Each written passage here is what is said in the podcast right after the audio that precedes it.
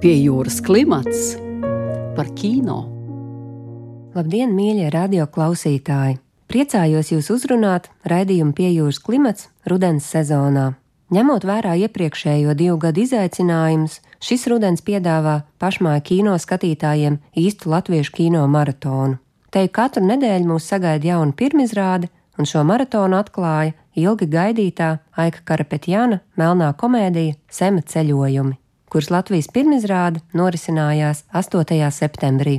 Taču filma savu ceļojumu pa pasaules kinofestivāliem uzsāk jau 2021. gada novembrī ar pirmizrādi Fantastic Fest filmu festivālā Ostinā, ASV. Turklāt filmas Sem ceļojumi izrādīšanas tiesības jau ir iegādājusies traumēšanas platforma HBO Europe. Sem ceļojumi ir melnā komēdija un pasaka pieaugušajiem par ārzemnieku Semu, kurš ir ieradies nomaļā Latvijas ciematā, lai uzmeklētu savu tēvu. Taču satiekot vietējos lauciniekus, Sems nokļūst baisā un murgainā pasaulē, no kuras var izglābties tikai ar mazu sivēnu palīdzību. Galveno Sema lomu atveido beļģu aktieris Kevins Jansens, bet pārējās lomās redzam pašmāju aktieri Laura Siliņa, Aigars Vilims, Juris Bartkevičs un Normons Griestiņš. Filmas operators ir Jurģis Kmims, galvenais mākslinieks Jurģis Krāsons, un tās producenti ir Gins Grūbe un Ines Boka Grūbe no studijas Mistrus Mēdī. Lai pastāstītu par filmas tapšanu, tās ceļojumiem ārpus Latvijas un to, ko īsti nozīmē melnā komēdija, studijā viesojas režisors Aiks Karapetjans, operators Jurģis Kmins un producents Gins Grūbe.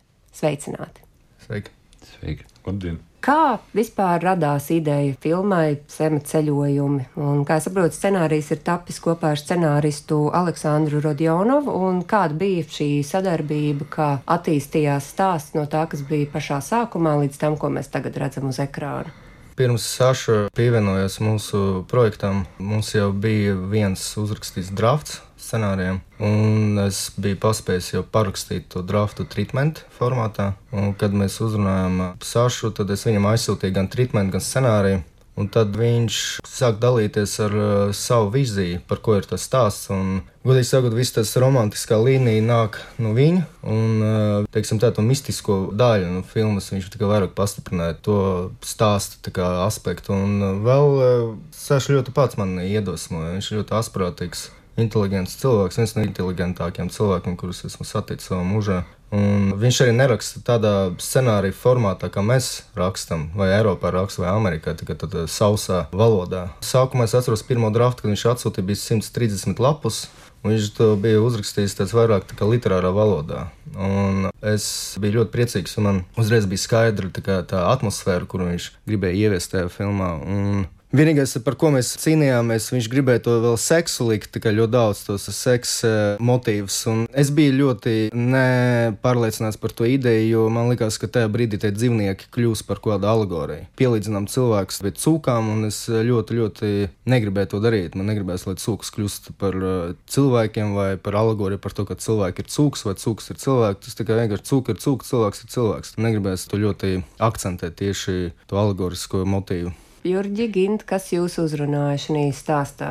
Man liekas, man uzrunāja pirmā izlasīšanas reize. Pārsvarā pirmo reizi lasot, tu lasi jebkuru scenāriju kā literāru, vairāk gabalu un, un mēģini sevi abstrahēt no kaut kādām vizuālām lietām, bet ar šo scenāriju bija ļoti grūti to izdarīt. Jo pirmo reizi lasot tieši tā valodu un viss kaut kāda filmas noskaņa, man liekas, bija jau ielikta ļoti labi scenārijā, un tas arī ir kaut kādā ziņā pirmais signāls, ka šeit kaut kas īpašs var tikt izveidots. Un pirmo reizi izlasot, jau nepacietībā gaida, kad tu sāks viņu lasīt otrais, trešo reizi un, un saskaldīt pa gabaliņiem un sākt pie tā strādāt. Tā kā man liekas, scenārijs bija pilnīgi noteikti pirmais pārliecinošais elements, ka tur kaut kas ir. Jā, nē, man bija pavisam vienkārši. Tas ir mans īsākais režisora pitch producentam, kurus parasti, laikam, saka, ka Holivudā liftā tādus izstāsta. Aiks man prasīja, vai es vēlos producēt filmu par runājošām cūkām, un es teicu, nedomājot, protams, un sāku domāt tikai pēc tam.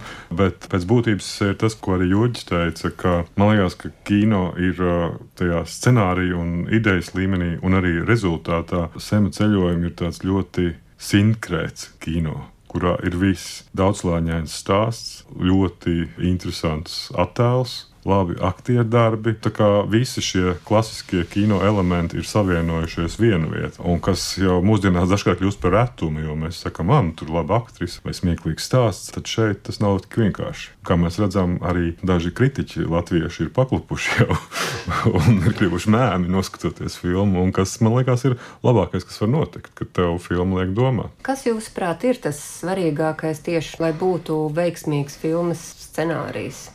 Tas ir no kura cilvēka perspektīvas? Ir no producenta, režisora scenārijas, vai tas ir vienkārši Nu, veiksmīgs scenārijs? teiktu no skatītāja. Veiksmīgs scenārijs neeksistē, jo tas scenārijs kļūst veiksmīgs, kad filma ir veiksmīga. Un bez filmas scenārijiem nekādas vērtības nav. Tas ir vienkārši dokuments. Es domāju, bet tā ir manas domas. Kā, es negribu teikt, ka man ir taisnība, bet es tam ticu, ka tas ir atkarīgs no stāstnieka, kā tu to stāstu stāsti. Jo es pat ikdienā pazīstu kos cilvēkus, kurus dzirdu kaut kādu interesantu stāstu, bet viņš tik neinteresanti stāsta to stāstu, tā kā, ka man jau negribas klausīties. Un cits cilvēks tik labi, skaisti runā, skaisti stāsta, ka viņš pat kaut kādu idiotisku kaut kādu situāciju, kur varbūt savā būtībā nav interesanti, viņš tā pasniedz, tā izstāsta, ka tev gribas viņu klausīties. Tāpēc es visu laiku saku, ka tam stāstam nav tik liela nozīme, bet uh, ir nozīme, kā to stāstu stāsti. Un šeit runāt par sēmu ceļojumu. Mums arī ar Jurģi bija ļoti daudz parunas, kā mēs to stāstu stāstīsim, kā tā filma būs. Jo šitā varējām mēs uztaisīt gan šausmēni, gan trilleru, visu ko, kā tu viņu iepako, kā viņi formāli var iesaiņot tādu to stāstu, lai tam stāstam tas piestāv un būtu harmonisks tas iesaiņojums ar to saturu. Tāpēc arī tas žanrs ir tāda formāla lieta, vienkārši kā to stāst stāsti, ka tu vari ļoti klusi un lēni stāstīt, tu vari ļoti skaļi un ātri stāstīt. Un tas ir tikai viss ir atkarīgs no ritma, no tonalitātes. Un tāpēc es saku, ka scenārijiem pats par sevi nav nekādas vērtības. Tā vērtība parādās tajā brīdī, kad parādās cilvēks vai cilvēki, autori, režisori, operatori, aktieri, kuri tam scenārijam sāk dot kādu vērtību. Nereti no mūsu reģiona pastāv uzskats, ka starptautiski tur gaida no Balkāniem, ka būs filmas par Dienvidslāvijas kara situāciju un tam līdzīgi. Un tad ir kaut kādas expectācijas, ko sagaida no šī reģiona. Un komēdijas vispār ceļo reti ārpus robežām. Tad sema ceļojumi bija tas izņēmums, kurš patiešām sāka ceļot ārpus robežām jau no pagājušā gada novembra un jau no tā brīža, kad arī iesaistījās Dāņu izplatītājs Level K, kas nemaz nav tāds ļoti tipisks gadījums pēdējo divu, trīs gadu kino ainavā Latvijā. Auditorijas segmentācija ir kļuvusi traka, lai no no uztveres viedokļa, un īpaši arī attiecībā uz uh, komēdijām un visiem šīs komēdijas starpžanriem. Vai tā būtu melnā komēdija vai baltā komēdija, bet uh, šajā gadījumā šis scenārijs ir neparasts, jo viņš patiešām nostrādāja. Un tas, man liekas, ir gan aika, gan nu, scenārijs jau arī pēc tam realizācijā man šķiet to kopā arī ar aktieriem. Tā kā scenārijs nav tajā brīdī, kad viņš tikai uz papīra, viņš jau man liekas, līdz pat montāžai. Jā, kā, tā kā scenārijs mainās visu filmas pabeigšanas laiku, un kā mēs redzam, scenārijs varbūt mainās arī tajā brīdī, kad skatītājs aiziet uz kinoteātri un mēģina šo scenāriju interpretēt. Arī tajā brīdī scenārijs mainās. Pie jūras klimats par kino.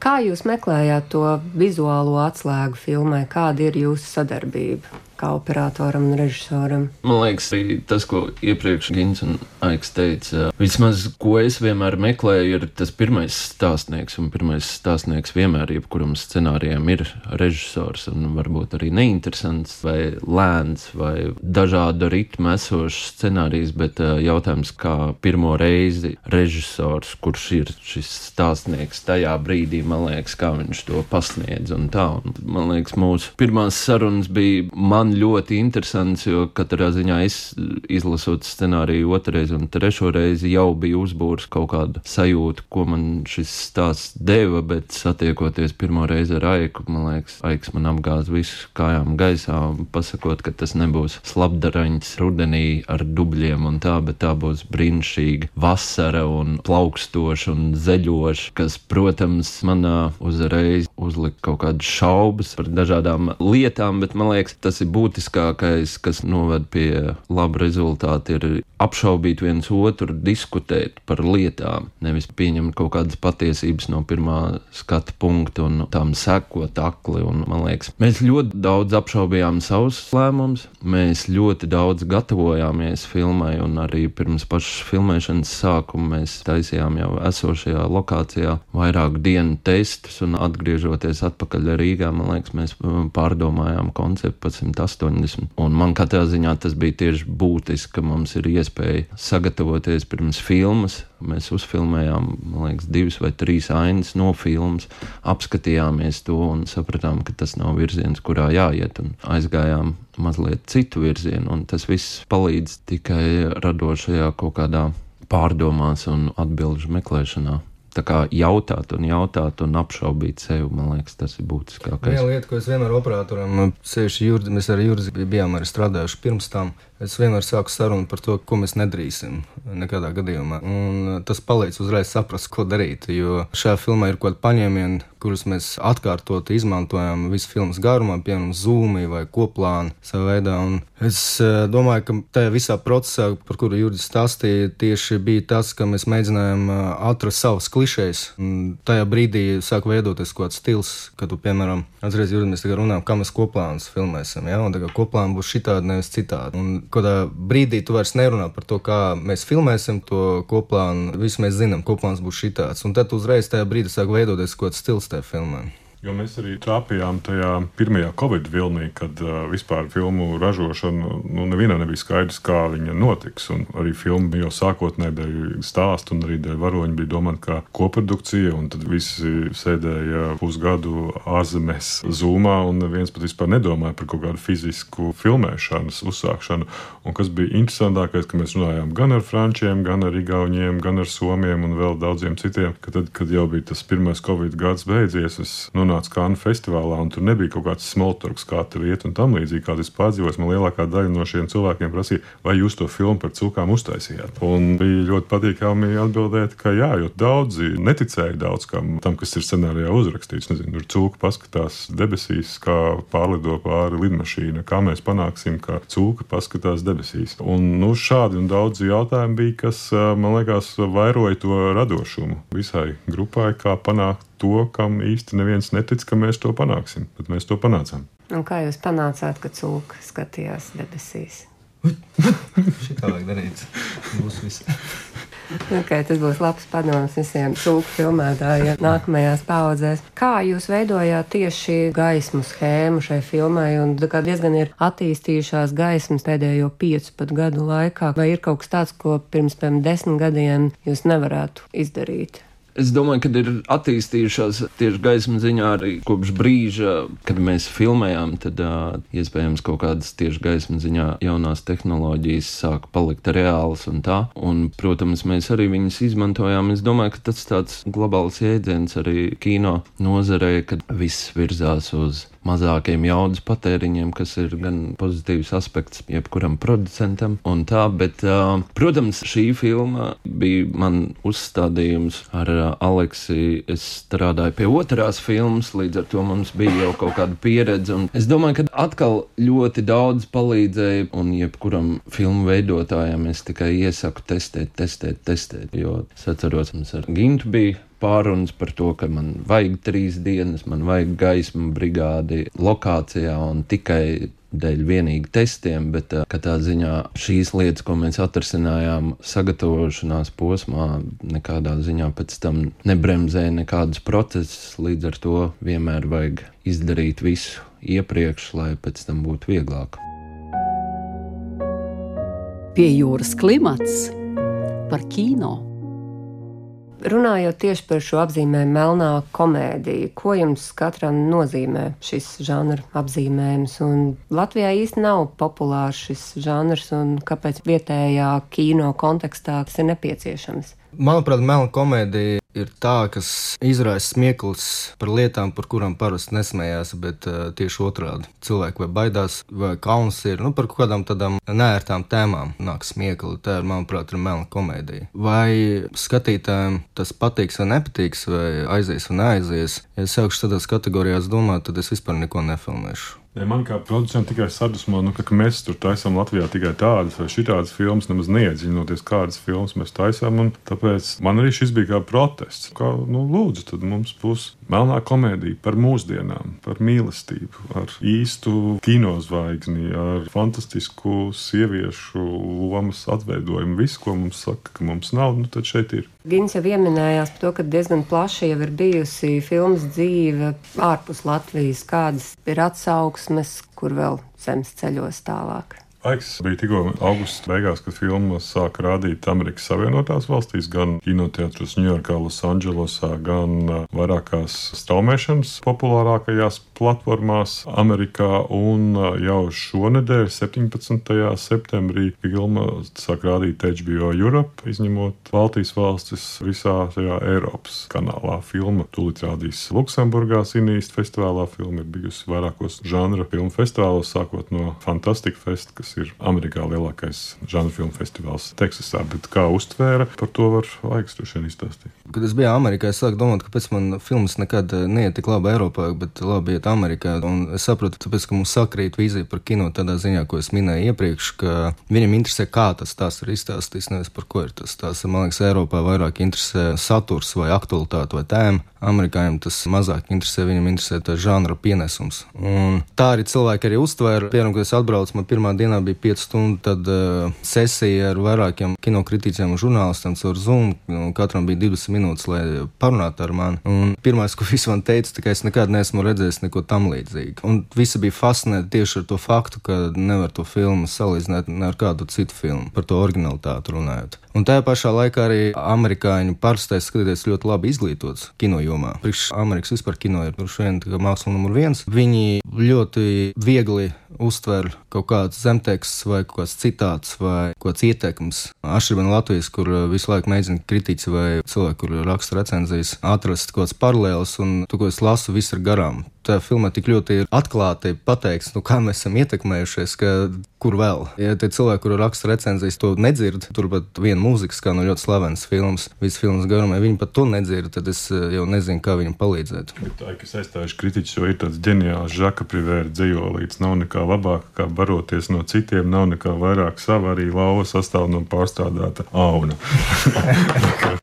Aizstāvēja labi. Mēs ap citu Amerikā filmā izplatītājs mainīja nosaukumu. Jo sēmu ceļojumu Amerikā startē kā kvieciens un visas tās desmitiem, turpat pie simta, man liekas, pozitīvās garu un īsas recenzijas liecina, ka tas kvieciens strādā. Nu jā, jo viņi atgādina Salivana ceļojumus pēc nosaukuma. Jā, jā tas arī bija domāts, jā. Jā, jā, jā nu es tieši domāju, ka tā ir domāts, un man liekas, ka viņi vienkārši varētu apjukt, ka tas kuieli ir skaidrs, ka tas kaut kas cits. Pie jūras klimats par kino kā notika aktieru atlase? Es šo jautājumu nesaprotu. Man, kad jautāju to jautājumu, tas ir parasts process. Cilvēki nāk, notiek provas. Nu, jā, bet kas ir tas, bet, bet, kas tev pārliecina, ka jā, šis ir īstais? Nu, cilvēks? Nu, tad ir emocionāli, tur nav nekāds loģisks mm. domāšanas. Vienkārši cilvēks ienāk, pēc manas pieredzes ir tā, ka pēc 15 sekundēm saprot, ka šis cilvēks būs tavā filmā. Un ir tādi gadījumi, ka tu mokies, aicini vienu pašu aktieru, kas desmit reizes, un beig beigās viņu tu nepaņēmi. Ja ir šaubas, un tev liekas, ka tur kaut kas ir, kas varētu palīdzēt tavai filmai. Tu tagad terē laiku, laiku, laiku, un beig beigās tev vairs nav nekādas saprašanas, jā vai nē. Un tad vienkārši sev jāatbild uz to jautājumu ļoti konkrēti. Nē, ja tu šaubies, tad nē. Šajā gadījumā man bija ļoti viegli. Protams, bija process un cilvēki gāja un tā tālāk, bet gandrīz viss es apsiprināju no pirmās reizes, nepasakot viņam, bet aicinot otru reizi, bet es piemēram Gunta Grošu teicu, šitais cilvēks būs filmā. Viņi dažreiz mēģināja man atrunāt, dažreiz viņi teica, ka jā, tā ir laba doma. Dažādi bija, bet kopumā tas ir tā, ka atnāk pirmoreiz vienkārši parunāt ar to cilvēku, tikai parunāt, lai paskatās pa kreisi, pa labi, lai pieceļās, paņem krēslu un paskatīties, kā viņš kustās. Ja tas cilvēks tev liekas interesants, to otrais pasaules jau sāk dot kaut kāds uzdevums uz improvizāciju, nevis ar tekstiem. Un, ja tev liekas, ka jā, šis ir labi, tad tu sāk meklēt, nu, tam apstiprināt aktieru, veidu, vai viņi kopā strādā, vai tas darbojās vienā kadrā. Un tas ir jau tas pēdējais periods, kad es uh, sāku, piemēram, aicināt Normūnu Griestīnu kopā ar Lauru Siliņu mēs kaut ko mēģinājām kopā jau no scenārija konkrēti, mēs kaut ko lasījām.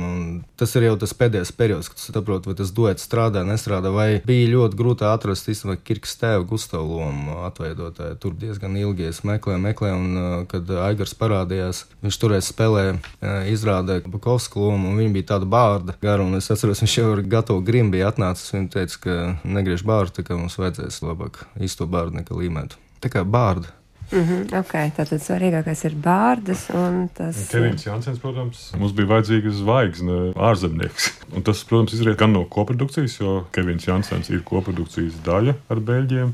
Kāpēc tieši viņš tā bija aika izvēle? Tāpēc, ka no visiem aktieriem, ko viņi atsūtīja to sarakstu, viņš bija vienīgais, kurus biju redzējis un zinājis. Un man uh, tiešām, kā aktieris, viņš man ļoti patika tajās filmās. Un tad uzreiz es teicu, jā, viņi, tāpēc, ka, kā es varu taisīt kastīnu, un Covid laikā tas viss notika, es nevaru braukt uz turieni. Viņi nevarēja, nu, es arī neticu tam, ka viņi varētu nofilmēt sevi un atsūtīt man video materiālu kā provas. Tur jābūt klātienē ar tiem cilvēkiem.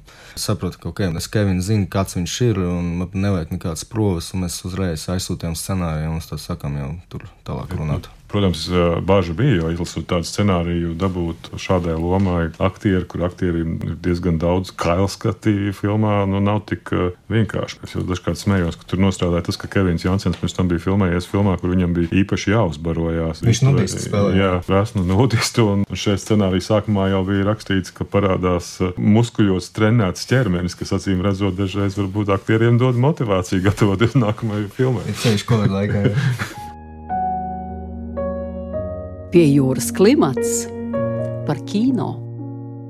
Kas ir tas, kas jums pašiem pietrūkst Latvijas kino ainā, ko jūs gribētu vairāk redzēt? Es ļoti gribu, lai Latvijā būtu ļoti dažādas kino, ļoti dažādas žanrs kino. To es gribu redzēt. Es negribu, lai viss taisa šausmas, vai trilers, vai fantasmagorijas, vai pasakas. Es gribu, lai būtu ļoti dažāds kino, lai mums būtu iespēja skatīties ne tikai vēsturiskas filmas par sevi, bet arī kaut ko mūsdienīgo, lai kino runā arī par to laiku, kurā mēs dzīvojam, lai pēc 30, 40 gadiem cilvēki Latvijā būtu iespēja noskatīties 2020. un 2022. gada filmu. Viņi saprast, kādā pasaulē mēs dzīvojam. Tur vien tā es gribētu. Es droši vien piekrītu Taikam un papildināt to, ka, man liekas, kino ir tā brīnišķīgā māksla, kas tiešām var aizarot tevi ārpus realitātes. Un tāpat kā Aiks ir teicis par šo filmu, ka būtiski skatītājiem aiziet un aizceļot tajā pasaulē, un tieši tādu pašu kino es gribu redzēt. Es negribu redzēt par realitāti. Bieži vien latviešu kino realitātes atspoguļošana ir švakāk nekā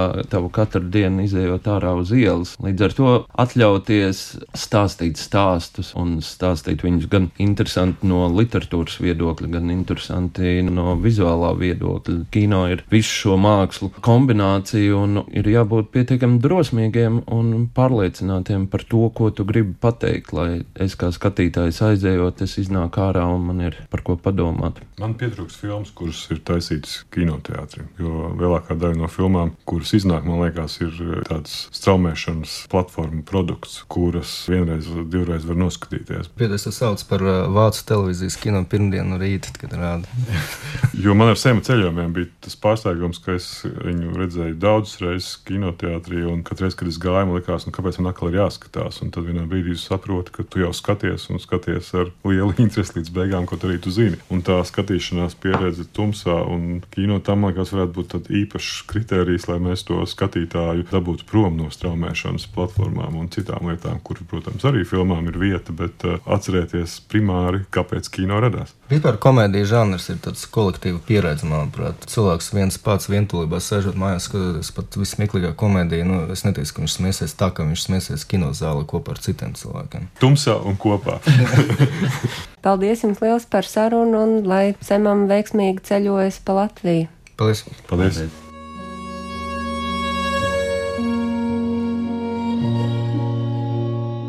Paldies, ka klausījāties, ejam uz kino un kopīgi skatāmies filmas Tumsā. Raidījumu vadīja Marta Elīna Martinsona, montēja Andra Černievska. Raidījums tapis ar valsts kultūra kapitāla fonda finansiālu atbalstu.